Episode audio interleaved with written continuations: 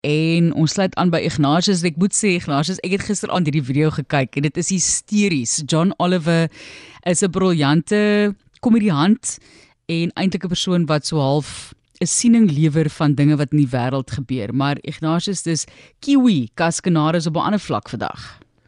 In die land van die kiwi is daar 'n roering in die nes.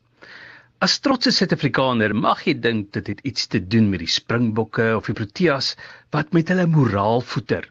Maar nee, hulle voel vere. Daar is wel die gesegde die vere maak nie die voël nie, maar die vere, soos die klerebedryf, het modes. Vir 'n jaar is 'n sekere voël die inding.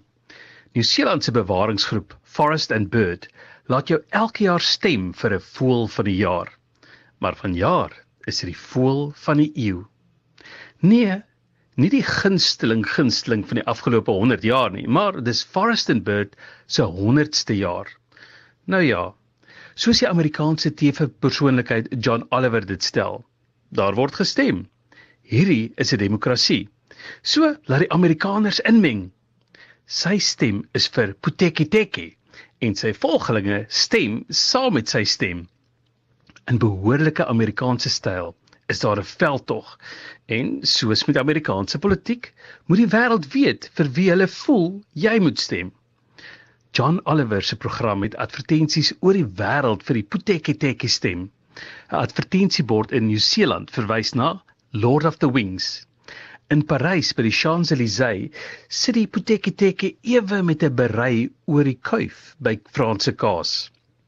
In Londen dra 'n paneel waar die boodskap: "Help ons om 'n regte koning te kroon." In Tokio is daar 'n animasie video te sien op straat. In Brasilië sien sonbaaiers 'n vliegtyg met 'n bedier bo Ipanema strand. In Wisconsin kry jy Manitowoc.